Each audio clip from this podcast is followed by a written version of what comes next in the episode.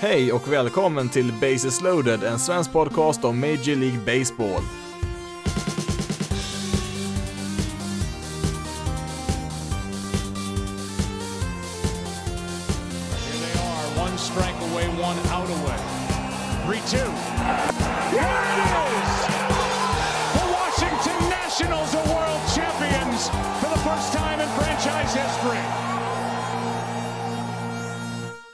Hej och välkommen tillbaka till en ny säsong av Major League Baseball och en ny säsong med Bases loaded, podcasten som bevakar MLB på svenska.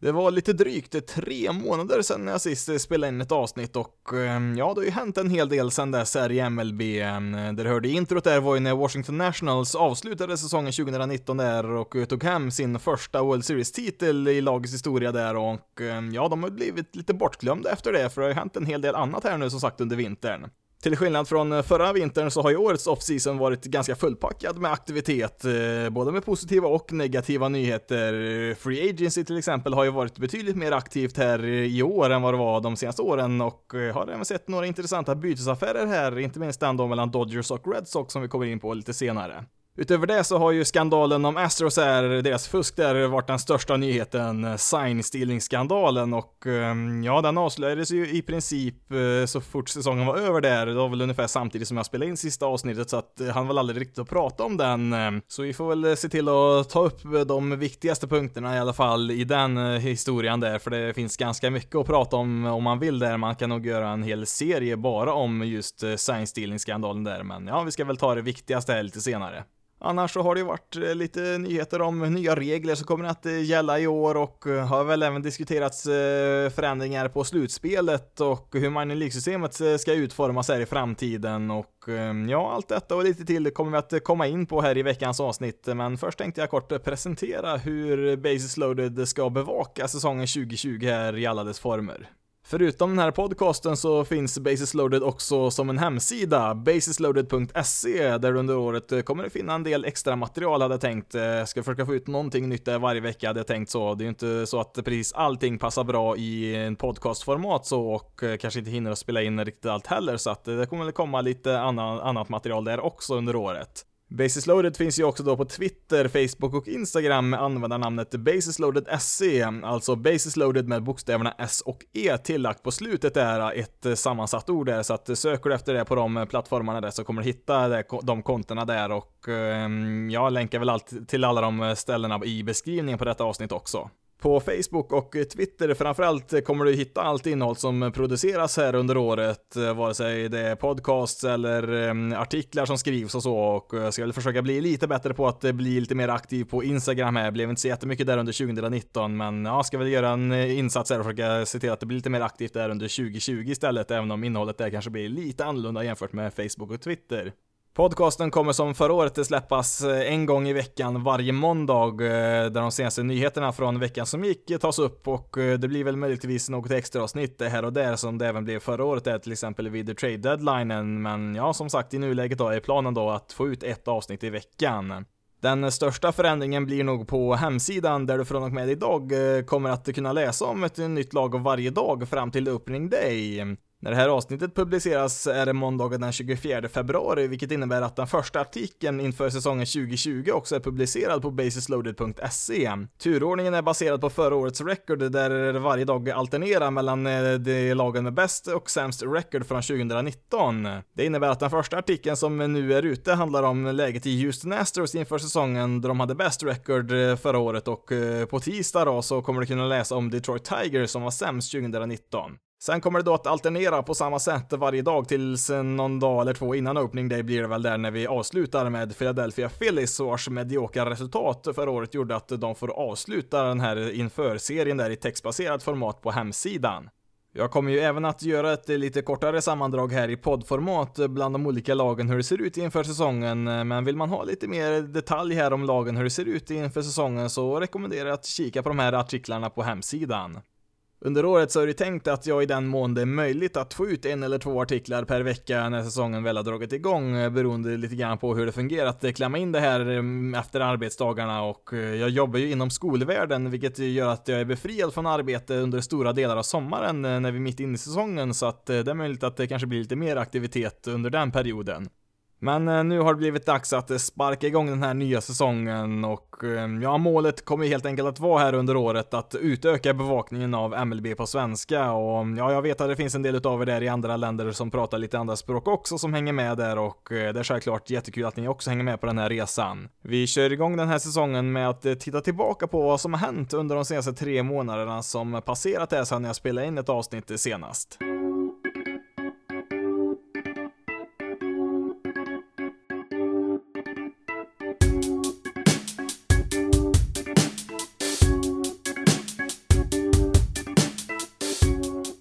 What, what what are your thoughts on what the Astros did yesterday? Uh, you know, I thought the apologies were whatever. Uh, I thought Jim Crane's was weak. Um, I thought Manfred's punishment was weak, giving him immunity. Um, I mean, these guys were cheating for three years. Um, you know, I think what people don't realize is Altuve stole an MVP from Judge in 17. Um, everyone knows they stole the ring from us. Ja, det hände ju en del som sagt under vintern, men inget var ju mer omtalat än eh, sign stealing-skandalen där som Astros eh, åkte fast i där och ehm, Ja, du hörde där Cody Bellinger prata om just eh, den skandalen här och han var ju då en del utav det Los Angeles Dodgers som förlorade med just Astros där i 2017 års World Series. Den här skandalen då uppdagades i november där, någonstans alltså i mitten av november och eh, ja, det är då bara någon vecka efter att eh, förra årets World Series var över och eh, det var i The Athletic eh, som man rapporterade om att Astros bland annat under 2017 när de blev World Series-mästare utvecklade ett system där för att sno motståndarens tecken, alltså då tecknet som catchen ger till pitchen för vilken typ av pitch som man ska kasta. Att eh, ha en base runner på andra bas som kan se det här tecknet och sen förmedla det till slagmannen är ju såklart tillåtet tillåtet och har i princip skett eh, oavbrutet eh, sedan den dagen lagen började använda tecken då för ja, långt över hundra år sedan och ja, som sagt, det är ju helt klart tillåtet om man kan se det med egna ögon. Astros tog det dock till en helt annan nivå och kringgick reglerna dessutom som säger att det är inte tillåtet att använda teknik för att sno motståndarens tecken, vilket är precis vad Astros gjorde under säsongen 2017 och delar utav 2018 vad vi vet. Eh, det är fullt möjligt att det pågick någon form av eh, fusk även före och efter, men det har vi inte helt fått eh, helt konkreta bevis för än. Kort sammanfattat verkar det ha börjat i lagets front office där man utvecklade ett system som kunde avkoda de här tecknen som motståndarens catcher visade direkt när det hände. Och eh, detta gjorde man via en kamera i centerfield riktad mot hemplattan där som kunde zooma in på catchen specifikt. Och eh, kameran i sig var inte förbjuden och eh, var till för att användas i efterhand då för att studera och utvärdera spelares prestationer. Men i Astros videorum så passar man på att mitt i matcherna också då läsa av catchens tecken. Till en början där så var det väl kanske inte alltid så jätteeffektivt, eh, för man eh, var ju dels tvungen då att eh, få signalerna till lagets dugout då från deras videorum och sen så var man ju tvungen att förmedla det här till en spelare på andra bas då, som kunde skicka det då till slagmannen och ja, det säger sig självt, man har ju inte alltid en spelare på andra bas där som kan skicka informationen. Men det här hade ju Astros-spelarna en egen lösning på och eh, tog ett steg längre och utvecklade ett eget system där som löpte parallellt där med det som de gjorde i videorummet och eh, ja, de gjorde så här att de eh, tog en tv-skärm där och placerade precis bakom deras dugout där med en direktkoppling till den här kameran då i centerfield. Där kunde ju då spelare och eh, ja, diverse ledare kunde väl säkert också vara inblandade där. Det är inte helt klart vem som gjorde exakt vad, men ja, man kunde i alla fall hjälpas åt där precis bakom deras dugout att eh, läsa av catcherns tecken där och um, precis bredvid skärmen fanns även en soptunna där som någon slog på där för att uh, skicka ut signaler till slagmannen så han visste vilken typ av pitch som var på väg. Det finns väldigt tydliga videoklipp man kan leta upp som visar hur det fungerade och ja, Jimmy O'Brien eller John Boy som han mer känd som har blivit oerhört populär här det senaste året här, dels på Twitter och för sina podcasts och han satte ihop en video en, precis efter den här eh, rapporten kom ut och eh, där kan man se hur tydligt som helst eh, hur det går till. Exempelvis då så när man såg att eh, catchen eh, signalerade för en fastball så mm, ja, då skickar man faktiskt ingen signal alls där. Man eh, dunkar inte alls då på soptunnan vid just fastballs då och ehm, ja, då visste ju slagmannen att kommer det ingen, inget ljud här nu så mm, då vet jag att då kommer det förmodligen en fastball nu. Men så fort det var en off-speed pitch där så då började de att slå på den här soptunnan så att slagmannen visste om det. Nu kommer jag väl inte ihåg exakt hur sekvensen såg ut för varje pitch här, men det var ju något i stil med att ehm, Ehm, ja, var det en eh, slider till exempel, ja då kanske de slog till eh, soptunnan en gång och eh, såg de att en change-up var på gång så slog de på soptunnan två gånger så att beroende på hur många gånger det dunkade till där i soptunnan så kunde ju slagmannen ut på planen lista ut då vilken pitch som var på gång. I efterhand då när man vet vad man ska leta efter så har det varit ganska lätt att gå tillbaka till eh, Astros tv-sändningar 2017 eh, där man klart och tydligt kan höra att eh, det dunkar till titt som tätt där mellan kasten där och jag ska inte säga att det är jättetydligt, det där är ju inte, utan man får ju kanske lyssna lite noga så, men man hör ganska, ganska tydligt när man väl lyssnar efter det att det dunkar till titt som tätt som sagt och alltså det, det korrelerar ju också med vilken typ av kast som är på gång så att det går inte att bortförklara på något sätt, ingen tillfällighet vet att de här ljuden kommer när de kommer så att eh, nej, det går ju som sagt inte att förklara bort det här utan signalen gick ju klart och tydligt ända in i tv-sändningen så att eh, det är självklart att eh, även slagmannen hörde det här. Misstankar och anklagelser om detta har ju funnits eh, ja, ganska länge nu egentligen. Och eh, det sägs att eh, flera lag anmält Astros för detta till MLB utan att de gjort något åt det. Och ja, flera spelare har ju lämnat Astros efter 2017 och det är ju klart att de spelarna förvarnade ju sina nya lag när de mötte Astros, vilket säkert gjorde att den här infon fanns hos MLB långt innan förra november.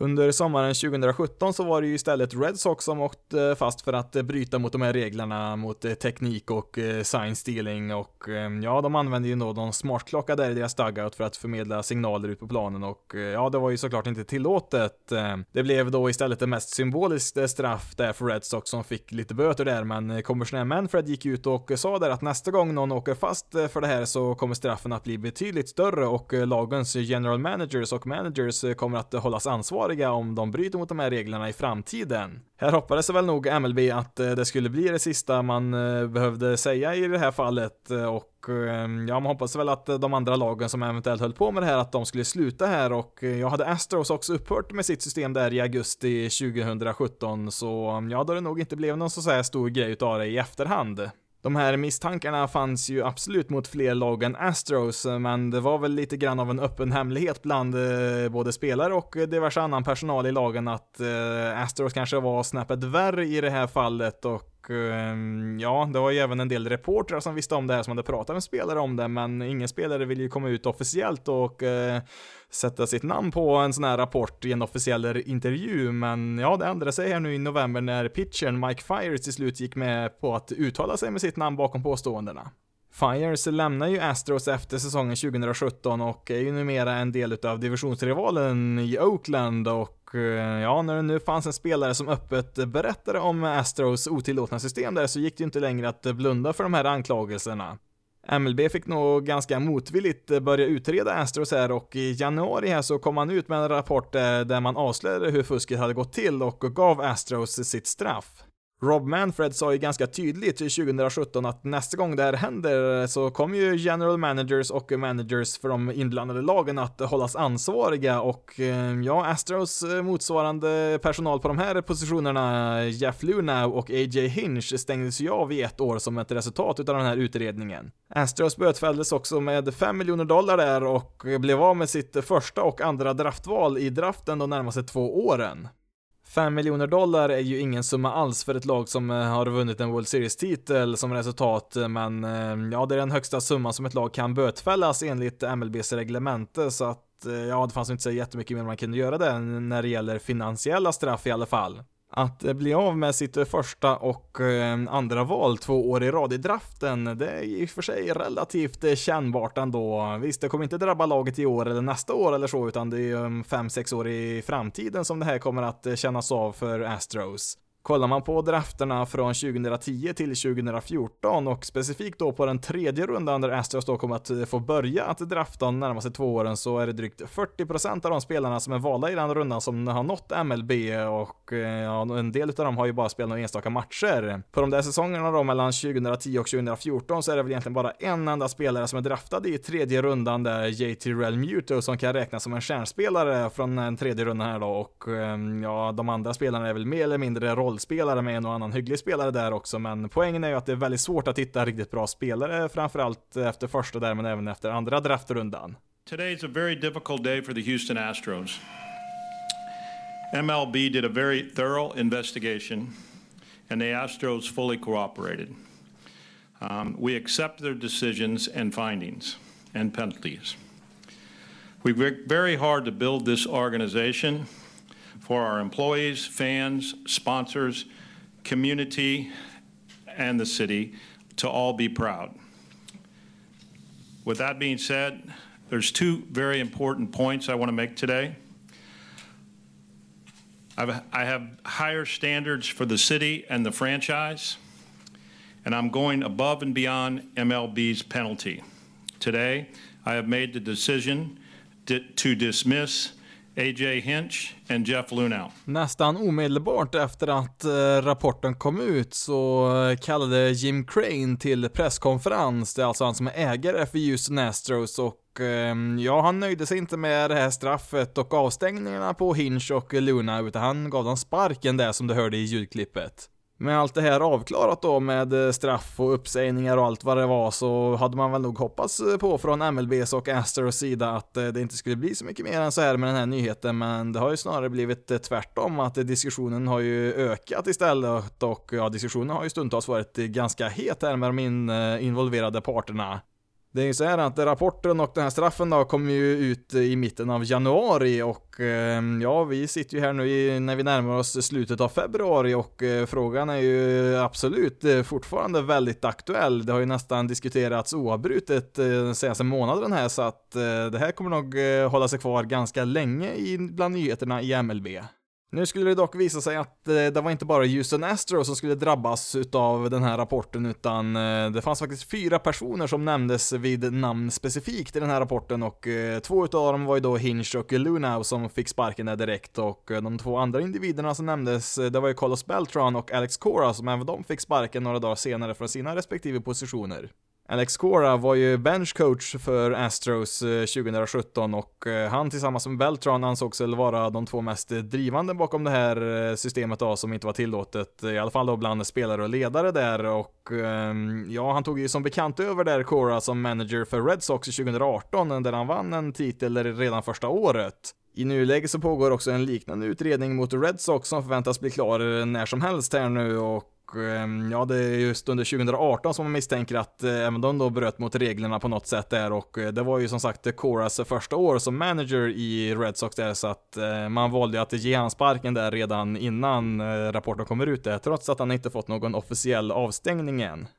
Carlos Beltran var ju 2017 en aktiv spelare på Astros roster och utsågs nu under vintern till Mets nya manager, men där fick ju även han då lämna innan han ens suttit på bänken en enda match. Ehm. Beltron Beltran och Cora ansågs ju som sagt vara två av de mest drivande bakom systemet och det blev helt enkelt för mycket för Red Sox och Mets som valde att eh, ge de här två sparken, eller ja, de sa väl att det var ett gemensamt beslut, men i princip så var det så att de fick sparken där och jag ja, kanske lite extra uppseendeväckande är det för Beltran där för att han har ju faktiskt inte fått något eh, straff alls egentligen och kommer nog inte få det heller, men han får alltså sparken ändå där från Mets.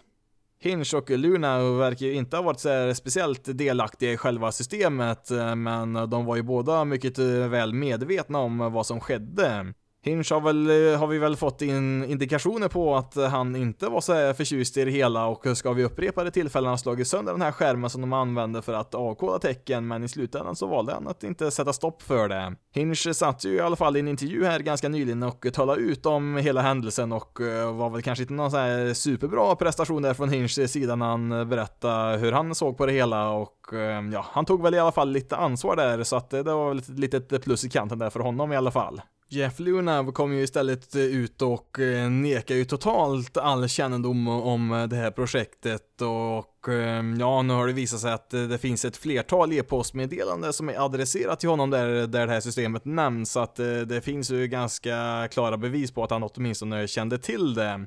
Visst, Lunau kanske inte startade eller uppmuntrade det här projektet, men han eh, visste mycket väl vad som pågick och eh, ja, han är ju den högst ansvarige för Astros när det gäller själva baseballsidan av organisationen då. Ja, förutom ju ägaren då, då Jim Crane. Just Jim Crane klarar sig ju då i princip, eller ja, han klarar sig helt och hållet från något eh, som helst straff och eh, det känns väl lite som att MLB eh, kanske försökte vara lite snälla här och bara stängde av Hinch och Luna så att han själv kunde få komma fram här och se slagkraftig ut genom att ge dem båda de här två sparken. Då är frågan, varför har den här eh, händelsen fortsatt att eh, vara ett så hett ämne ända nu till eh, spring training här? Och ehm, ja, det har väl dels med hur dåligt egentligen alla inblandade har skött det här i princip alla i Astros organisation höll ju tyst om detta under hela vintern eh, fram till spring training här och eh, ja, det var, var väl någon intervju där med Bregman och Altuve där lite innan spring training och ehm, ja, ärligt talat så gick det inte så bra där som gjorde att det blev mer diskussioner såklart. Ehm. Men som sagt, eh, det var ganska tyst eh, från eh, både spelare och ledningen i Astros och ja, det ledde ju till bara mer kritik att ingen kom, kom och bad om ursäkt och tog lite ansvar här så att Jim Crane fick ju lova lite bättring här också att laget skulle be om ursäkt tillsammans för sitt agerande i spring training. Vi kan väl eh, säga så här att Astros PR-avdelning inte lär vinna några prestigefyllda priser för sitt arbete det senaste halvåret, eh, då de först totalt misskötte Brandon Tobman-incidenten. Det var alltså han som var Astros assisterande general manager som under slutspelet där öppet hånade några kvinnliga reportrar som skrivit negativa saker om Astros angående deras trade för Roberto Osuna som ja, då hade anklagats för att ha misshandlat eh, sin flickvän för något år sedan. Astros anklagade då den reporter som skrev om den här incidenten för att eh, vara en lögnare, vilket inte var så här smart drag då det kryllade av journalister runt omkring Tob, men när det gällde den här eh, incidenten och eh, ja, ganska omedelbart så kom ju ganska många ut där och bekräftade att eh, jo, så man hade visst uttryckt sig på ett väldigt opassande sätt och eh, ja, efter några otroligt korkade snedsteg till i den här processen så fick ju Tobman till slut sparken där från Astros i höstas. Inför spring training så ska ju Jimmy Crane ha erbjudits så kallad krishantering hantering när det gäller just PR-frågor, men han tyckte att eh, nej, vi håller vår presskonferens och har någon kort intervju här och där så får det vara bra där. Vi behöver ingen eh, PR-hjälp här inte och eh, ja, när spring training börjar här så kommer ändå allting att glömmas bort så att de tyckte att vi klarar nog det här utan någon hjälp.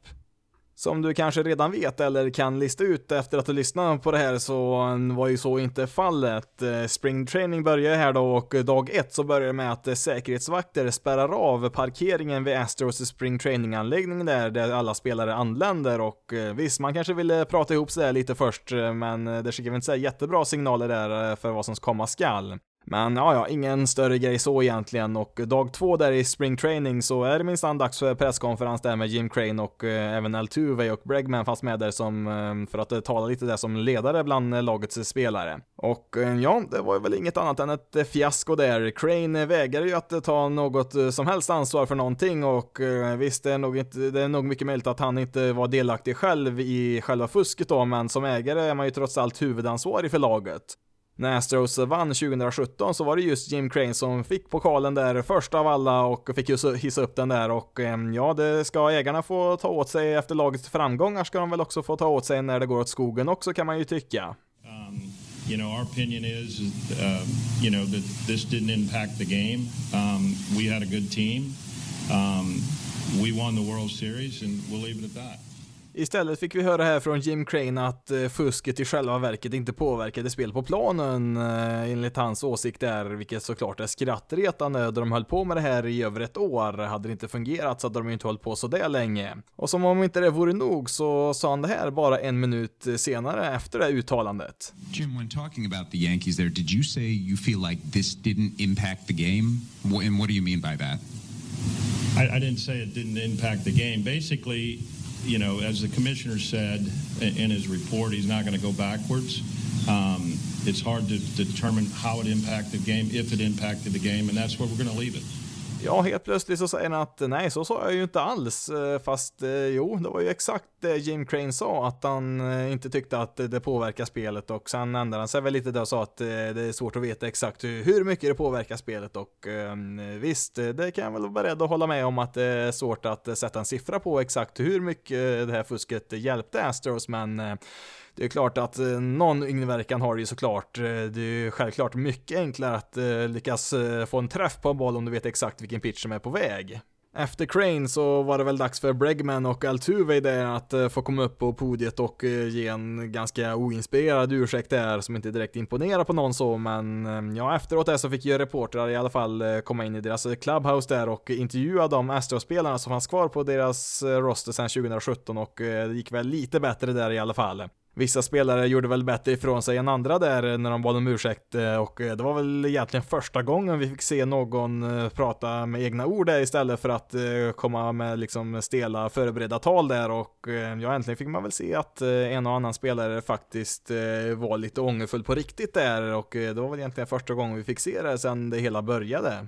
Så här då i början av spring training när alla eh, spelare anländer till eh, sina respektive anläggningar där så mm, ja, det är ju första gången som eh, många av de här spelarna har pratat med reportrar sedan den här nyheten kom ut och mm, ja, spelarna i de andra lagen här hade ju ganska mycket att säga och mm, ja, det blev ju ett och annat ganska intressant citat här från spelare som var ganska upprörda över vad Astros har gjort en av de mest tråkiga sakerna som jag upplever i alla fall eh, när man bevakar MLB, det är att eh, titta på spelarintervjuer som vid 90% av tillfällena är fruktansvärt tråkiga och ointressanta. Det sägs i princip ingenting utav värde, utan det är bara samma gamla vanliga standardsvar där, men eh, nu har det blivit lite annorlunda här under vintern i alla fall. Nu sitter jag väl inte här och eh, önskar att MLB ska bli någon sorts såpopera med massa intriger hit och dit, men om det finns någonting positivt med hela den här sagan så mm, är det väl att eh, spelare äntligen säger vad de tycker och har öppnat upp sig lite grann i intervjuer för att eh,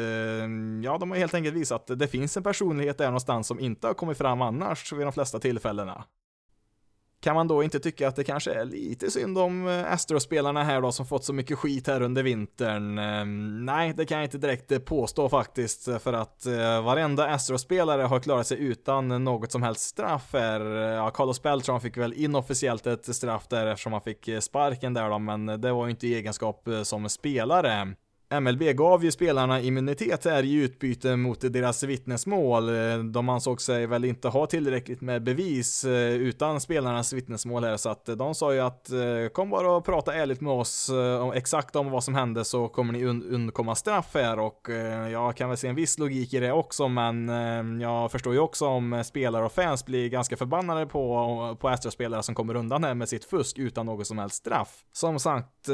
Astro-spelarna förtjänar allt de får får här just nu. Det är väl det minsta de kan ta, lite verbal kritik. Eh, när säsongen väl drar igång så finns väl eh, tyvärr risken också att de kommer få en del bollar kastade emot sig och ehm, Ja, alltså jag själv tycker ju inte om den här traditionen med att eh, kasta på andra spelare för att upprätthålla vissa regler och så. Det ju, kan ju i vissa fall vara livsfarligt eh, med bollar som hamnar lite fel och så. Men eh, samtidigt så um, vet jag ju hur verkligheten ser ut i MLB och eh, jag blir ju inte ett dugg förvånad om de kommer träffas av ganska många bollar i år, Astros-spelarna. Det blir väl också lite intressant att se hur det kommer att se ut eh, på alla Astros bortamatcher för att eh, jag misstänker att det finns eh, supportrar i samtliga lag här som eh, vill få sin tur här och eh, bua ut och skälla på Astro-spelarna när de kommer på besök där och ja, det finns säkert en och annan i hemmapubliken där i Houston som också har några väl valda ord till spelarna där. Och mm, ja, det blir intressant att se om mm, det blir så här enormt tryck mot dem på läktarna, om det kommer påverka Astros någonting under säsongen här och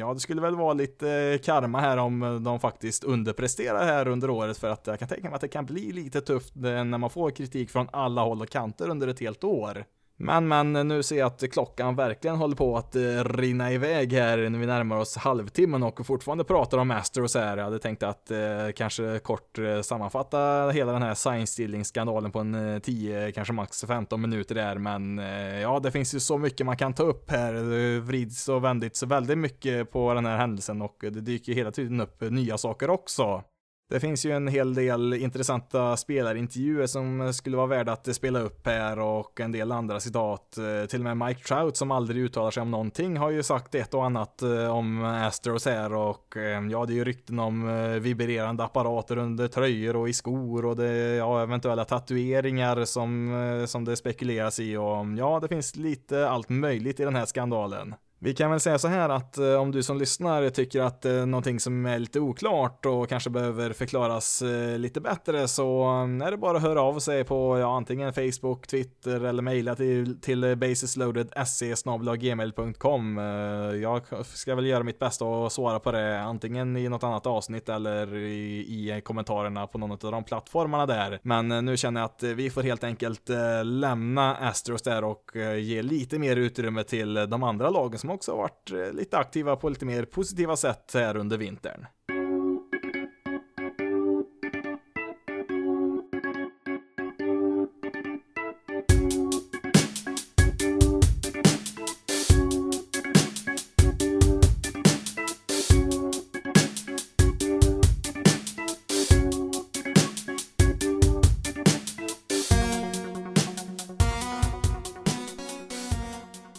Då lämnar vi Astros bakom oss och eh, ska se över några av vinterns eh, största transaktioner och eh, ja, vi har ju en del nya ansikten i de olika lagen. 10th pitch of this at bat to Darno.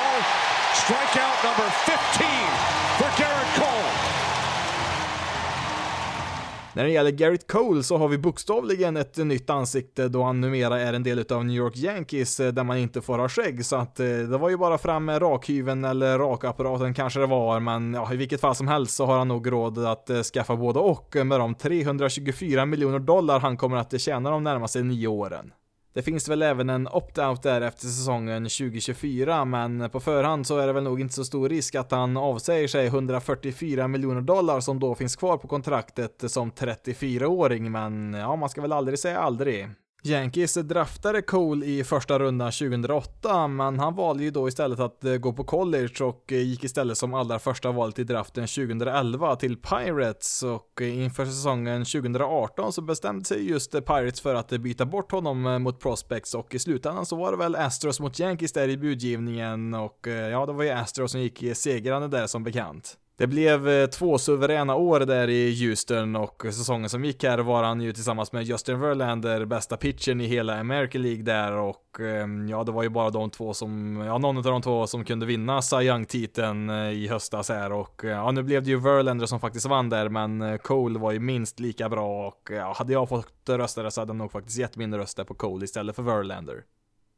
En ERA på 2,5, 212 innings och 326 strikeouts eh, var ju hans resultat där 2019 och eh, det är väl precis vad Yankees önskade sig här i julklapp och eh, det var väl deras rotation som var den svagaste länken där förra året. Nu drabbades man väl i och för sig extremt hårt av skador så att det fanns väl lite luckor här och där under året men med Cole här så gick man ju upp i toppen som den största favoriten här i American League inför säsongen 2020. De senaste veckorna så har ju dock James Paxton opererats och missar ju i alla fall inledningen på säsongen och lägg där till att även Luis Severino tvingades avbryta springtraining här alldeles nyss för att genomgå lite tester där på sin arm. Han missade ju nästan hela säsongen förra året. Han fick väl in en 12 innings där till slut i september så att eh, det är ju lite oroväckande där att han börjar även den här våren med en eventuell skada igen. Nu har jag inte hört något mer än så om Severino i nuläget här, så att eh, vi vet ju inte riktigt om det är allvarligt eller inte, men det gör ju att i nuläget så inleder man ju med Cole och Tanaka som nummer ett och nummer två i deras rotation, vilket är bra, men eh, sen så blir det lite mer osäkert där bakom eh, med de här skadorna. Man är väl nog ganska glada att man inte tradade bort Jay Happ här som det spekulerades i i vinter här och han skulle väl egentligen vara deras femte och sista starter i år, men nu är han plötsligt nummer tre där på deras depth charter så att eh, ja, det är ju inte helt optimalt om vi ska vara helt ärliga. Bara för några veckor sedan så såg det ut som att eh, Yankees rotation skulle bli en rejäl styrka istället här i år nu när man fått in eh, Cole här och ehm, ja, så det finns väl en del hyggliga alternativ där att slänga in i alla fall tillfälligt där i deras rotation här under säsongsinledningen, men det ser ju inte riktigt lika starkt ut som det gjorde då som sagt för några veckor sedan. Tillbaka då till Cole så fick han ju ett riktigt saftigt kontrakt här. Hade kanske trott från början att han skulle hamna någonstans kring eh, 35 miljoner dollar per år där i ja, omkring sju år, alltså runt eh, 250 miljoner totalt och ja, kanske ett åttonde år där för att hamna i närheten av 300 miljoner, men det blev alltså då ett nionde år med 36 miljoner per år, vilket är mer än någon annan spelare just nu när man räknar på årslönen. Giancarlo Stanton, Bryce Harper och Mike Trout har ju alla tre där kontrakt som är värda mer totalt, men eh, de betalar ut något mindre där per år jämfört med Garrett Cole.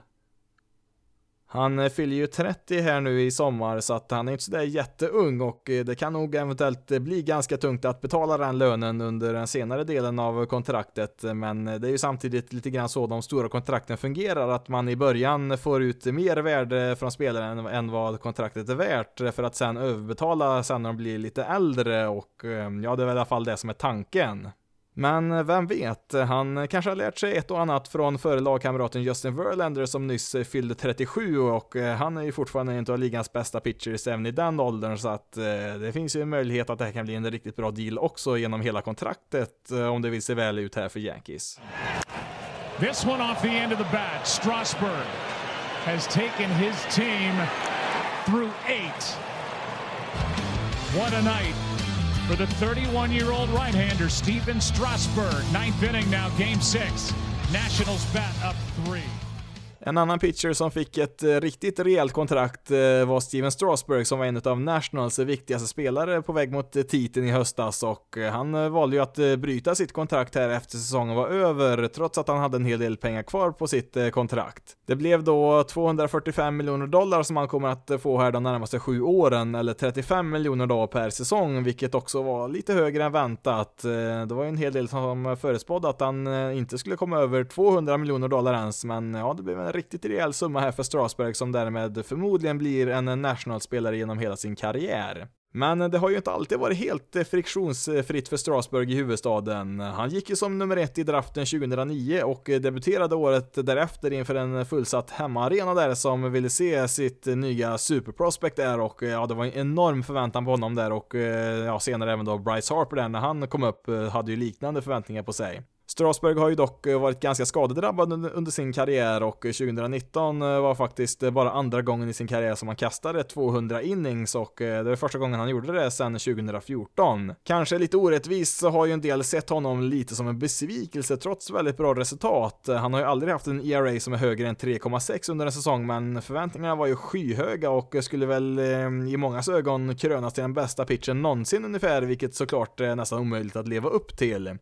I och med Nationals resa här då, där Strasberg var en av frontfigurerna, så har ju många nu äntligen accepterat honom för den otroliga pritchen som han faktiskt är. Och visst, hans lagkamrat Max Scherzer har väl kanske varit lite bättre här genom åren, men eh, när Strasberg väl har varit på planen så har ju även han varit riktigt, riktigt bra. Nu fyller han 32 här till sommaren och spontant känns det väl lite som att eh, det är väl en liten extra betalning här för tidigare prestationer, för jag är väldigt tveksam till att speciellt många andra lag hade erbjudit det här kontraktet även om de har haft eh, plats på sin payroll. Bryce Harper skulle ju bli ansiktet utåt för Washington Nationals eh, när de startade sin framgångsrika period här för ett tag sedan och eh, ja, det var han ju också under flera år, men i slutändan så är det ändå Steven Strasburgs lag det här och eh, ja, det känns ju, känns ju bra att han faktiskt blir kvar här, förmodligen karriären ut. Om det nu var så att eh, de var tvungna att välja mellan Strasburg och Rendon här i Free Agency så lutar jag nog ändå mot att, mot att hade varit en bättre spelare att ha kvar här för laget, men i slutändan så var det nog eh, ganska självklart val här att eh, ta tillbaka Strasburg.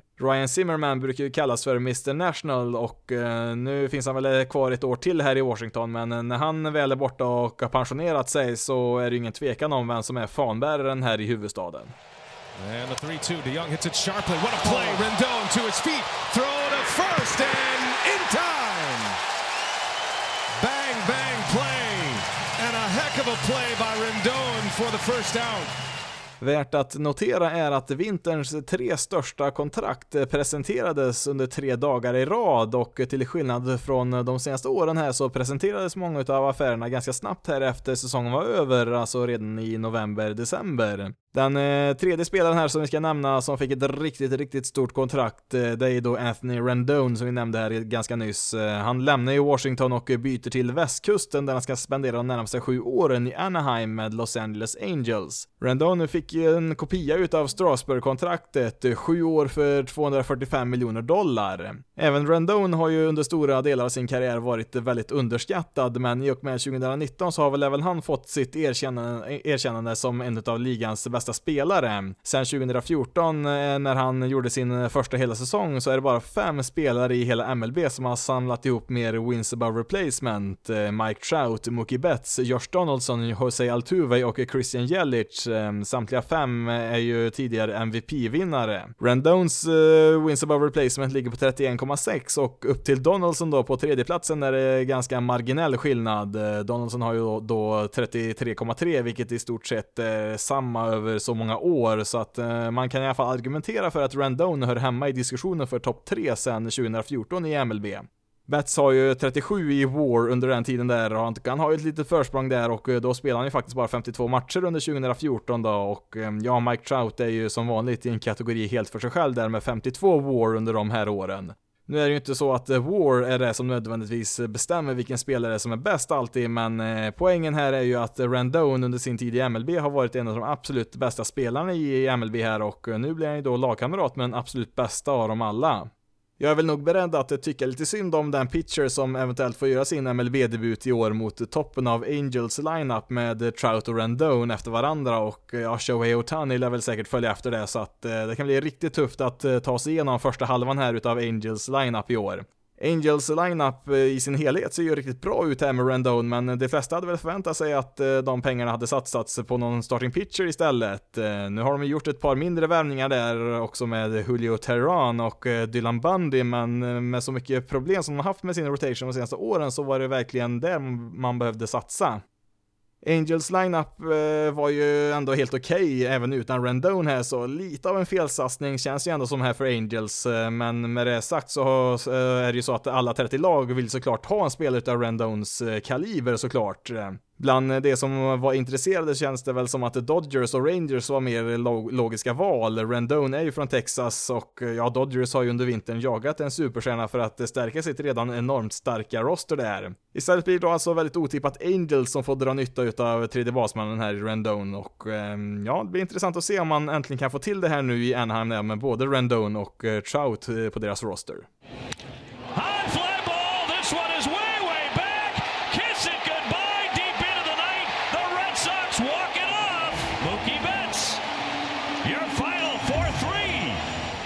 Innan vi fortsätter med lite fler free agents så måste vi ändå klämma in Mookie Betts här också som eh, är den fjärde riktigt stora profilen som bytt lag här i vinter. Ryktena började ju redan eh, tidigt förra säsongen om eh, Mookie Betts att han kanske skulle tradas och ja, efter ett rejält kliv bakåt resultatmässigt 2019 för Red Sox så blev ju ryktena bara fler och fler kring Betts eventuella trade här och ja, han har ju varit ligans kanske näst bästa spelare då efter Mike Trout då de senaste åren. Red Sox vill ju komma under den här lyxskattegränsen, eller luxury tax då, som den kallas. Eh, den ligger på 208 miljoner dollar när det gäller då spelarlöner och eh, när man har löner som överstiger den summan så kommer det vissa straffavgifter då när man går över det som sagt och eh, de här straffen eskalerar ju också ju längre man går över den här gränsen och dessutom så blir det dyrare ju längre man är över gränsen då när man räknar antal år. Deras general manager Dave Dombrowski fick sparken här mitt under säsongen, eh, mindre än ett år efter att hans lagbygge blev World Series-mästare och eh, ja, saken var väl den att Dombrowski är väl ganska känd för att spendera en hel del pengar när han eh, får bestämma över lagen här och ja, Red Sox ägare vill ju gå en annan väg där och ersätta honom med Chaim Bloom där som har jobbat med supereffektiva Tampa Bay Rays där som verkligen vet hur man får ut maximal effekt med begränsade finansiella resurser. Det enklaste sättet då för Hein Bloom att eh, ta sig under den här lyxskattegränsen, eh, det var väl då att eh, trada just Mookie Betts som har en lönekostnad på 27 miljoner dollar i år, men det räckte ju inte bara att trada honom, utan Red Sox har ju haft ganska stora löner här de senaste åren, har väl upp, varit uppemot en sån här 240 miljoner dollar, så att man behövde hitta någon mer spelare där att trada tillsammans med Mookie Betts. Spekulationer fördes ju ganska länge här om att man skulle erbjuda David Price, deras pitcher där, tillsammans med Mookie Betts där, som även han sitter på ett ganska stort kontrakt där och eh, visst, det skulle visa sig vara sant här. Padres och eh, faktiskt även Cincinnati Reds nämndes som alternativa tradepartners här, men eh, det var mest Dodgers det cirkulerades rykten kring här och visst så var det dit som Betts till slut skickades tillsammans med David Price. Trots alla de här ryktena och förväntningarna om att Bet skulle tradas så var det ju som en bomb som slog ner när det faktiskt avslöjades och eh, ja, nu var det ju faktiskt så att det var ju nära på att inte bli av alls där då Red Sox drog sig ur här några dagar efter att eh, affären blev känd för allmänheten. Twins var ju nämligen också involverade i den här traden då, en trelagstrade då, och ehm, Red Sox skulle ju då få Twins lovande prospect Bruce Dar Gratterall och Dodgers lovande outfielder Alex Verdugo i utbyte mot Bets och Price till Dodgers, eh, och ja, Dodgers skulle då också skicka Kenta Maeda till Twins då, så att de blir nöjda i den här affären. Några dagar senare så verkar det som att affären tydligen var avbruten då Red Sox helst inte ville ha Gratterall. Det sades att Red Sox hade missat att han förutspåddes bli en reliever, visserligen en ganska bra sådan, men eh, man ville väl hellre ha en starting pitcher i så fall har väl lite svårt att tro på att det faktiskt stämmer helt och hållet, då till och med jag visste om att Gratroll nog i framtiden lär bli en reliever och eh, ja, om jag visste om det så kan jag inte se någon som helst möjlighet till att Red Sox Front Office inte heller visste om det. Det är väl mer troligt att de inte tyckte om hans skadehistoria där och ja, när de fick kolla på hans journaler där så blev de kanske lite bortskrämda där för att han har ju varit ganska skadedrabbad där, Gratroll, under de senaste åren. Men till slut då, ytterligare några dagar senare så blev det ändå en eh, trade här, men Dodgers eh, valde då istället att göra två separata affärer här med Twins och Red Sox istället. Bruce Dar Gretrol hamnade då i Dodgers bullpen här nu i utbyte mot Kenta Maeda som äntligen får chansen att starta regelbundet här med Twins. Eh, var väl även lite prospects involverade där och lite pengar där i den affären mellan Twins och Dodgers. Men eh, den största transaktionen var ju då att Betts och Price skickas till Dodgers då i utbyte mot Alex Verdugo och ett par prospects där som hamnar i Red Sox. Bland annat eh, Jeter Downs där, en infield som tros kunna bli en rätt bra spelare och ja, Red Sox gick också med på att betala hälften av Price kvarvarande 96 miljoner dollar där och ehm, ja, man behövde ju inte bli av med hela Price-kontraktet för att det kom under den där lyxskattegränsen så att man gick väl med på att betala hälften i alla fall. Dodgers var väl redan innan den här bytesaffären favoriter i, ja, dels i divisionen men säkert också att eh, gå hela vägen eh, 2020 men eh, nu har man ju då faktiskt två stycken MVPs i deras outfield där med Betts och Bellinger. Price är inte på något sätt eh, dålig han heller, men han har ju såklart varit eh, lite skadedrabbad här på sistone, men när han väl är frisk så lär han säkert prestera rätt bra där, så Dodgers hittar ju till slut ett sätt här att göra sin roster betydligt bättre inför 2020. Samtidigt så känns det väl nästan lite pinsamt att ett storlag som Red Sox tradar Mookie Best på grund av finansiella skäl. Visst, hans kontrakt går ju ut här efter säsongen och eh, lär väl få ett monsterkontrakt i Free Agency, men det är ju annars något som de här mindre lagen brukar göra som inte har så här mycket pengar som Red Sox har. Dodgers är ju nu helt klart de största favoriterna på förhand till att ta hem titeln i år och ehm, ja, vi kommer säkert komma in lite mer på vad det här innebär för alla inblandade lag eh, när vi går igenom läget i alla lag och var för sig och eh, ja, det har ju varit en del andra intressanta trader som skedde också här under vintern förutom den här, men ja, vi får nog ta det som sagt eh, lite mer när vi kollar på de individuella lagen framöver.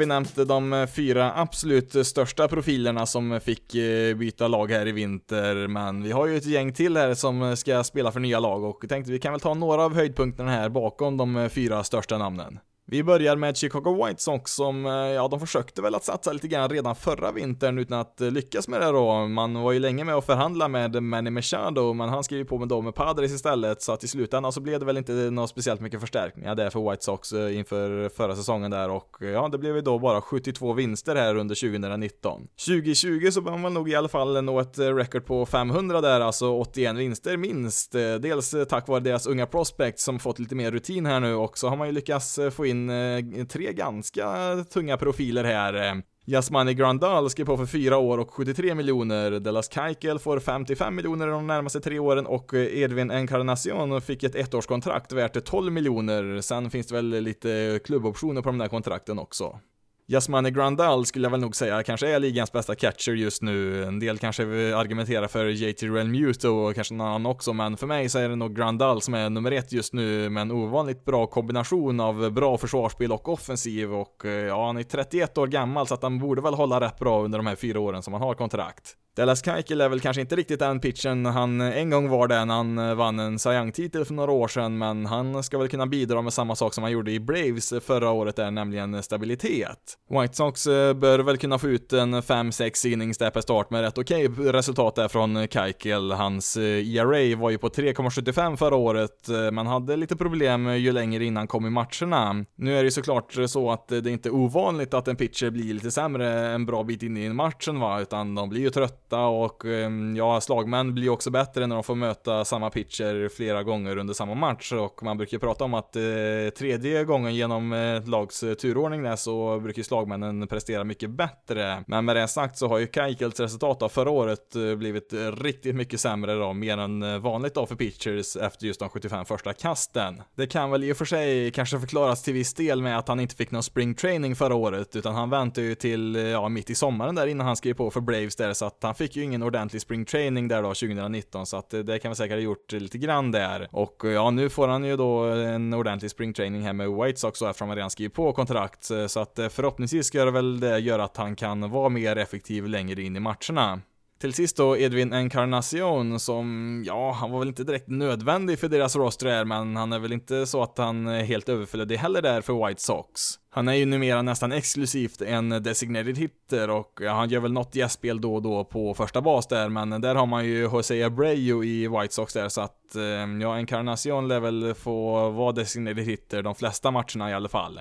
Annars hade man nog gärna roterat James McCann och Zach Collins där på designated hitter-positionen där för att eh, Grandal kommer ju att eh, starta ganska många matcher där som catcher och ja, McCann och Collins är ju då backup catcher så att man hade väl nog gärna fått in dem i deras lineup där som just designated hitter så att eh, nu blir det väl lite mer sparsamt med speltid för just de två. Encarnacion då är väl då inte riktigt så effektiv som man kanske var en gång i tiden, men producerade ju ändå en VRC plus på 129 förra året, är på 109 matcher och eh, jag håller han sig någorlunda frisk där så lär han väl sopa iväg en 30 homeruns igen här som han gjort de senaste åtta åren. Trots en förbättrad roster här så blir det nog eh, tufft för eh, White Sox att ta sig till slutspel. Eh, de kommer nog behöva vinna divisionen för att gå dit, för att jag tror inte de kommer vinna tillräckligt med matcher för att ta en wildcard-plats och ja, det är svårt att se att White Sox skulle hamna före Twins i American League Central. Visst, man kanske kan bli tvåa där för Indians, men eh, ja, Twins blir nog för svåra där, eh, även om de har goda möjligheter att vinna mer än 81 matcher där för första gången på ganska länge, så är jag som sagt tveksam till att de verkligen kan vinna tillräckligt mycket för att kunna bli ett wildcard-lag i American League.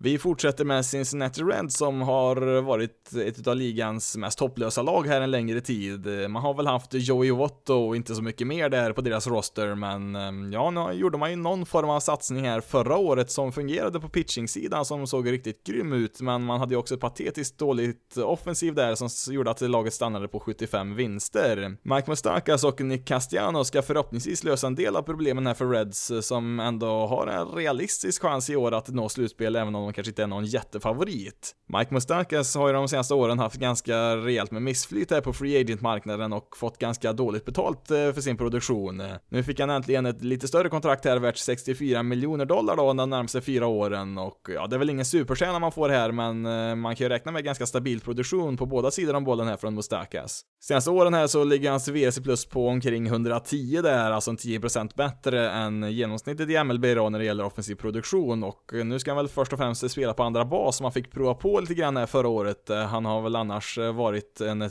tredje basman i sin karriär, men ja, om han lyckas spela rätt hyggligt där på andra bas också så bör han väl kunna producera en sådär 2,5 wins above replacement som han brukar göra varje år. Mustakas bidrar väl också med en hel del rutin här, framförallt slutspelsrutin från sina dagar i Royals eh, där han vann en titel 2015 och ja, även med Brewers här de senaste två åren så har han ju också gått en bit in i slutspelet.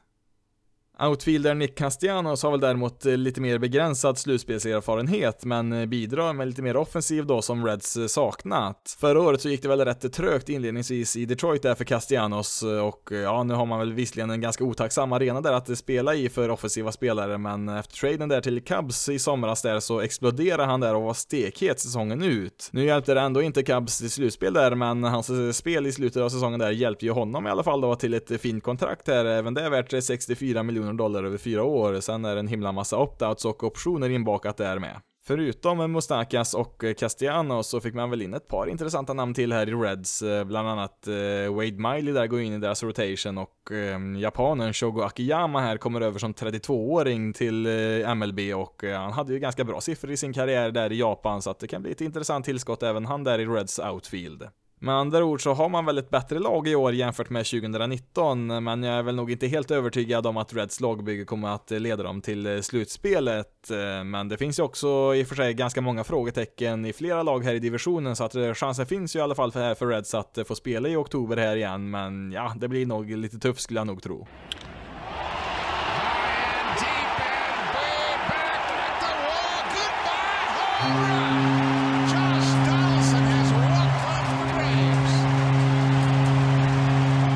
Anthony Rendon var väl vinterns mest eftertraktade tredje basman, men för detta MVPn Josh Donaldson var det nog ganska många lag som var intresserade av också. Jag hade väl nog gissat på att eh, Donaldson skulle bli kvar i Braves eh, där han spenderade säsongen 2019, men eh, det blev till slut Twin som erbjöd ett fyraårskontrakt där värt 92 miljoner dollar och ja, det kan variera lite grann där summan beroende på om optionen för femte året aktiveras där eller inte, men minst 92 miljoner dollar kommer Donaldson att få på det här kontraktet i alla fall. Förra året så var det lite oklart hur det skulle gå för Donaldson som var skadad stora delar utav 2018 så att han skrev på ett ettårskontrakt med Braves eh, för att visa att han fortfarande eh, var en bra spelare och ja, det visar han ju verkligen här. Det blev ju hela 155 matcher för Braves där med en slashline på 2.59, 3.79, 5.21 med 37 homeruns eh, för en VSC plus på 132. Donaldson är ju nu 34 men han visar ju att han fortfarande är en riktigt bra spelare och ja, nu kliver han ju in här på tredje bas för ett Twin som redan var väldigt bra offensivt och eh, det innebär ju att Miguel Sano får hoppa över till första bas här i nuläget i alla fall. Det är väl mycket möjligt att Donaldson om ett par år här med åldern här får själv flytta över till första bas som är mindre krävande rent fysiskt. Twins blir ju såklart mycket bättre med Donaldson i laget, det är ingen eh, tvekan om, men eh, likt Angels eh, så är ju Twins lineup redan ganska bra och har väl mer behov i sin rotation egentligen. De skriver på kontrakt med Homer Bailey och Rich Hill här ganska nyligen som, alltså visst, de kan ju vara rätt hyfsade där och säkert vara nyttiga där för Twins i deras rotation, men man behöver ju egentligen något ace här för att verkligen ta det här laget till nästa nivå tror jag. Självklart då så är ju Twins bättre då med Donaldson som sagt, men eh, ja, alltså visst man är favoriter till att vinna divisionen, det är man i American League Central, men det kan bli lite tufft i ett slutspel med deras nuvarande rotation. Vidare till öknen ute i Arizona och eh, kanske vinters mest oväntade beslut när Giants eh, före detta starting pitcher Madison Bumgarner valde att skriva på för Arizona Diamondbacks eh, för 5 år och 85 miljoner dollar. Det var väl kanske lite lägre summa än väntat där för Bumgarner med tanke på de andra kontrakten som skrevs här i vinter. Han hade nog kunnat fått en 100 miljoner där om han hade väntat in rätt affär där, men ehm, ja, nu verkar det ju som så att Bumgarner faktiskt har sökt sig till Diamondbacks specifikt här att han väldigt gärna ville komma dit för att han har sin ranch här i Arizona med sina hästar där som han ville komma lite närmare och eh, det verkar som att han tackar nej till större erbjudanden för att få spela med Diamondbacks vilket kan tyckas lite udda men ja, om det är någon spelare som är lite udda så är det väl Madison Bumgarner. Passande nog så hann jag inte riktigt att spela klart hela avsnittet här på söndagen som jag vanligtvis brukar göra utan jag fick spela in lite grann här på måndag morgon också och eh, just där på måndag morgon så kom det ut en artikel om Bumgarner att eh, han aktivt deltar i olika rodeos med sina hästar där och det har han gjort under smeknamnet Mason Saunders och har dessutom vunnit en och annan tävling i det här så att ehm, ja, den här förklaringen att han ville vara närmare sina hästar låter ju ganska trolig ändå här till slut. Men tillbaka då till baseballplanen där Bumgarner är en levande legend bland Giants-fansen då, främst för sina heroiska insatser i slutspelet där för Giants eh, som ledde dem till tre titlar på fem år. Han har väl inte varit riktigt lika dominant i grundspelet även om han presterat bra även där och eh, så här långt är hans ERA på 3,32 i grundspelet eh, och ehm, ja, han har ju sällan fått några Cy Young-röster där som ligans bästa pitcher, men han har ju helt klart varit effektiv genom hela sin karriär. Förra året så kastade han ju över 200 innings igen då för första gången sedan 2016 och hans ERA landar ju strax under 4 så att han är väl inte någon sån här superpitcher längre, det är han absolut inte, men han är ju fortfarande väldigt bra. Med Bumgarner då så har ju Diamondbacks lite i skymundan en potentiellt riktigt bra rotation här, även med Robbie Ray och ja, även lovande Zack Allen där, så att eh, Diamondbacks har ju byggt upp en ganska intressant roster där, men eh, tyvärr då för deras skull så spelar de ju i samma division som Dodgers, så att eh, det blir nog att rikta in sig på ett wildcard här för Diamondbacks i år. Till sist ska vi kolla då på Atlanta Braves som fick in eh, några intressanta namn eh, och eh, ja, när man inte fick ha kvar Donaldson så behövde man få in minst en kapabel offensiv spelare till där i sin lineup. Acuna, Albis och Freeman är ju en vass trio där, men därefter så finns det en del offensiva brister där på deras roster. Valet följer då på Marcel Osuna som,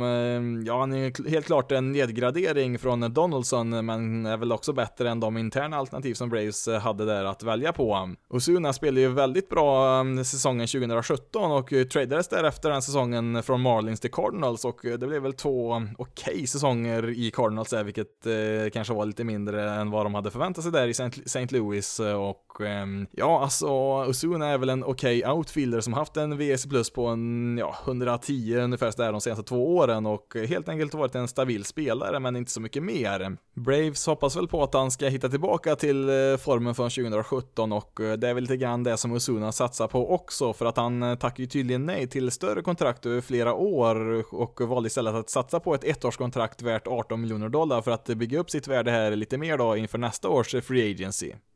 Exakt eh, samma kontrakt eh, fick eh, Cole Hamels, den 36-årige starting pitchern. Ehm, han har väl sett bättre dagar i sin karriär, det har han väl, men ja, han hade väl en helt okej okay ERA på 3,81 på 27 start för Cubs förra året där, men lite oroväckande så har han redan innan spring training ens började åkt på lite problem med axeln där och lär väl missa lite matcher tidigt på säsongen. Till sist så stärkte man också sin bullpen här som var katastrofal när säsongen startade förra året. Det blev väl lite bättre där med en del trader där under sommaren, men men nu i vinter här då så har man också plockat in Will Smith som senast befann sig i Giants. Han fick ett treårskontrakt här värt 40 miljoner dollar och kommer från en säsong med en ERA på 2,76 och eh, 13 strikeouts per 9 innings, vilket är väldigt, väldigt bra. Under tre av de senaste fyra åren här så har hans ERA legat under 3, så att det behöver bli ett rätt bra tillskott här och Ehm, ja, det är klart att man har lagt till eh, bra spelare här på sin roster, men eh, det är väl inte så att man har blivit så jättemycket bättre, utan eh, det här laget känns väl ungefär lika bra som förra året. Håller väl nog Braves kvar som favoriter i divisionen, det gör jag nog, men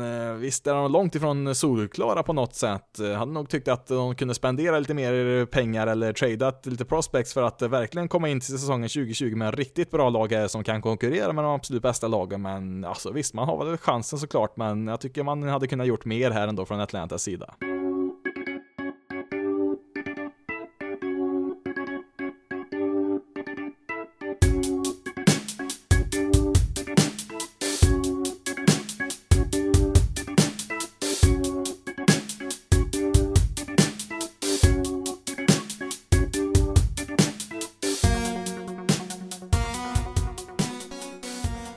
Då ska vi avsluta med de nya reglerna som kommer att gälla från och med i år i MLB och eh, det är fyra stycken nya regler vi har, eller ja, fyra kategorier av regler skulle vi kunna säga och eh, ja, tre utav dem visste jag om sen eh, tidigare och eh, ja, den fjärde är väl ingen större förändring alls, så att eh, det är väl inga större överraskningar här. Den största förändringen är ju då 3 batter minimum, alltså att en pitcher måste möta tre slagmän innan den kan bytas ut. Ehm, det finns undantag då om inningen tar slut efter att ha bara mött en eller två slagmän och då får ju pitchen då bytas ut som vanligt då om inningen skulle ta slut efter det. Om en pitcher skulle bli skadad eller sjuk så kan han också få lämna då innan de mött eh, tre slagmän då, men då måste domaren gå med på det först. Det här är ju då främst för att eh, snabba upp eh, spelet lite grann, eh, alltså att man ska undvika en massa pitcherbyten så mitt i, mitt i en inning så efter bara de tre enstaka at-bat och ja, det kommer inte minska matchtiderna speciellt mycket men flytet i spelet är väl meningen att det ska bli lite bättre så att man undviker en massa avbrott då mitt i en inning. Framförallt så är det då de vänsterhänta specialist-pitchers som kommer att drabbas här. Det är de som brukar kallas för loogies. De har ju tidigare kommit in för att eh, ofta kanske bara få ut en enda motståndare som är sämre mot just vänsterhänta pitchers och ja, deras roll kommer ju mer eller mindre att försvinna med den här regeln. Det är däremot inte så att en pitcher måste få tre outs innan de kan bytas ut, utan de måste då bara möta tre slagmän oavsett ja, vad resultatet blir. Så att en pitcher kan ju till exempel tillåta tre stycken international walks i rad där och sen bli utbytt. Ehm, inte för att något lag skulle göra så, men eh, jag tror ni förstår principen att han måste möta tre stycken motståndare i alla fall innan den får bytas ut om det inte är så att inningen då tar slut då, eller att eh, pitchen är skadad. Jag är väl lite kluven till den här regeln, eh, men ja, jag har väl kommit fram till att jag vill nog se i alla fall hur den fungerar här i år i verkligheten innan jag tar ett slutgiltigt beslut om jag gillar regeln eller inte och eh, ja, den kommer börja gälla här eh, till och med i spring training här om ett par veckor, det är någonstans här i mitten av mars som de kommer att införa den så att eh, vi kommer få se den här ganska snart. Nästa regel är att lagens roster utökas från 25 till 26 spelare och det införs också en gräns på att högst 13 pitchers får finnas med på lagets roster där så att de inte kan bygga en ännu större bullpen nu när deras roster utökas till 26 spelare. Tidigare så har man ju i september månad eh, kunnat placera upp till 40 spelare på sin MLB-roster och eh, ja, nu har man bestämt sig för att begränsa det antalet till 28 stycken spelare i september, så alltså bara två extra spelare får man plocka upp där då. Det innebär ju att lag nu kommer att ha en extra slagman på bänken, vilket såklart ger lite mer alternativ. Eh, en del lag till exempel hade ju redan innan den här regeln tidigare tre catchers på sin roster och ja, det lär väl bli fler nu när man får en extra plats. Nu när man har infört regler för hur många pitchers man får ha på sin roster så har man ju också varit eh, tvungen att eh, sätta upp regler för vilka spelare som ska räknas som tvåvägsspelare, alltså de få spelare som faktiskt klarar av att eh, användas både som pitchers och som slagmän. Eh, det är inte speciellt många, men det finns ju några stycken. För att eh, klassificeras som en tvåvägsspelare så måste man ha pitchat i 20 innings och startat 20 matcher som en position player någon gång under de senaste två åren i MLB och Ehm, ja, det innebär ju att en spelare som eh, Angels eh, Shohei Otani, han har ju uppnått de här målen och eh, han kan ju då räknas som en tvåvägsspelare som gör att Angels kan ha 13 stycken pitchers på sin roster plus Otani. I nuläget då så är det faktiskt bara Otani som når de här målen, men det finns ett par till där som skulle kunna bli klassade som tvåvägsspelare här inom en snar framtid. Bland annat Brandon McKay i Tampa Bay Rays. Han är väl bäst som en pitcher, men han har ju även spelat som position player i mining leagues här och han fick väl några at-bats också här i MLB när han fick göra sin debut där, så att han skulle möjligtvis också kunna nå den här eh, klassificeringen senare i år. På samma tema så har man även infört regler för när position players, alltså icke-pitchers, får komma in och användas som just pitchers i matcher och eh, de här reglerna säger att eh, det bara får ske när matcher går till extra innings eller om ett lag leder med sex eller fler runs. Det här kommer ju inte att påverka speciellt mycket egentligen för att eh, det, är ju i princip bara vid de tillfällena, alltså när matcher går till extra innings eller när ett lag leder väldigt stort som position players kommer in som pitchers, så att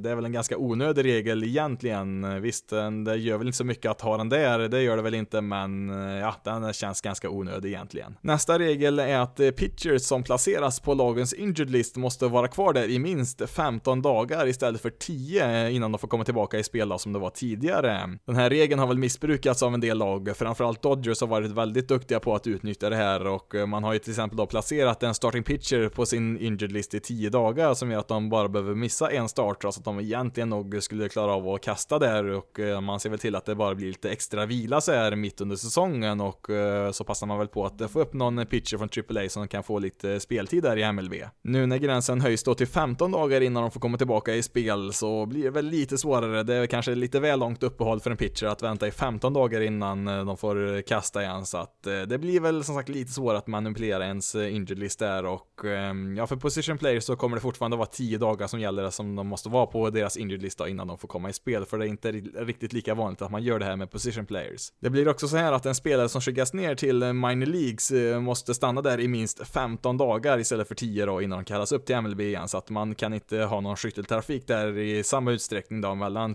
AAA och MLB då på samma sätt som man haft det tidigare. Alla de här eh, reglerna som jag nämnt här nu då visste vi om redan för ett år sedan att de skulle gälla från och med i år, men man har lagt till en extra sak här som vi inte visste om och eh, den här regeln säger då att managers nu har 20 sekunder på sig istället för 30 som de hade här nu innan att bestämma sig om de vill videogranska ett beslut från domarna och eh, ja, det är väl också för att få lite flyt här i spelet utan för långa uppehåll mitt i matchen. För det mesta så är väl jag rätt eh, neutral till ändringarna och Ehm, ja, de kommer ju inte påverka sig jättemycket, ganska många av de här reglerna och eh, när de väl gör det så är det vid ganska få tillfällen. Eh, det är som sagt eh, den här regeln då att en pitcher måste möta tre slagmän som kommer ha absolut störst inverkan och det kommer ju påverka en del, det kommer det absolut göra. Inte så jättemånga matcher när man kollar på statistiken men ehm, ja, jag vill se i alla fall här i verkligheten nu först hur det ser ut här innan jag helt bestämmer mig om jag tycker om regeln eller inte. Just nu så finns det väl inte vad jag vet några officiella regeländringar på horisonten här, men Eh, det kommer nog med största sannolikhet att det blir en del förändringar här de närmaste åren. Framförallt så kommer det väl att bli en automatisk strikezon här ganska snart, alltså att en dator räknar ut eh, om en boll är en ball eller strike istället för att eh, domaren bakom det ska stå och försöka kolla det. Man har infört ett system som automatiskt eh, kollar av det här i independent ball och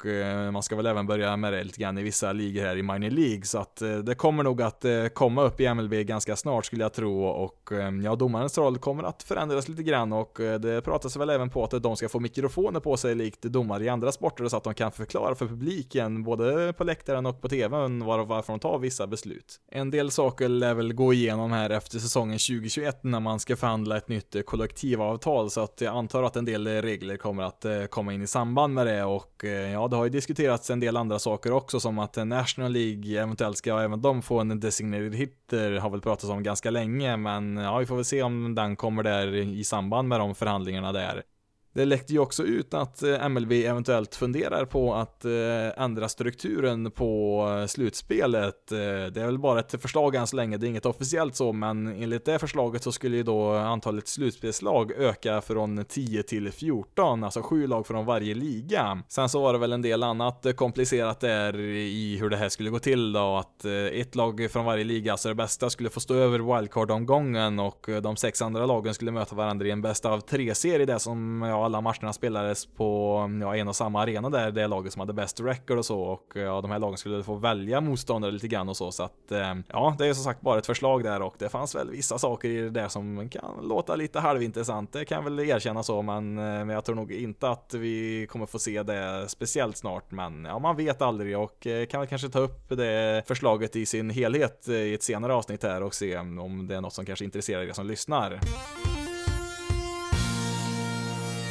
Ja, då får det nog räcka där. Har dragit över lite på tiden här ser jag. brukar ju sikta på oftast i de flesta avsnitten att eh, hamna någonstans runt eh, 45 minuter per avsnitt och ja, max en timme och ja, nu är vi uppe i en timme och tio minuter där ser jag, så att eh, vi får nog eh, bryta där och fortsätta vid nästa tillfälle istället. Det har ju varit en hel del som sagt som har hänt under vintern och eh, jag har ju inte hunnit med riktigt allt här, men eh, det kommer att komma här under spring training, kommer vi uppdatera andra saker där också såklart och eh, här närmast så kommer det väl bli en liten koll på hur det ser ut i de olika lagen inför säsongen här och eh, tanken är väl att vi ska gå igenom samtliga lag oavsett om det är bra eller dåliga lag så att alla ska få sin tid här på podcasten. Du kan som sagt eh, hitta artiklar här nu varje dag fram till opening day om varje lag i skriven form då på hemsidan basisloaded.se och eh, du kan ju också då följa Basisloaded på Facebook, Twitter och Instagram eh, på basisloaded.se letar du upp där på, på de plattformarna då och jag kommer som sagt länka till de här sakerna i beskrivningen på det här avsnittet. Du kan även mejla till basisloaded.se gmail.com om du vill komma i kontakt med mig och eh, om du har tid, lust och möjlighet att eh, betygsätta och skriva en recension om denna podcast så skulle jag uppskatta det väldigt mycket. Framförallt då på iTunes och på Apple Podcast eh, för att eh, de recensionerna som gör att eh, man kommer högre upp eh, på listor i alla möjliga podcastappar och så som gör att eh, fler kan hitta podcasten så att om ni har möjlighet att göra det så skulle jag vara väldigt tacksam för det. Men nu har jag pratat tillräckligt för idag. Mitt namn är Jonathan Jonathan Fabri. Tack så jättemycket för att du har valt att lyssna på det här avsnittet av Basis loaded. Ni får ha det så bra där ute så hörs vi förhoppningsvis i nästa veckas avsnitt.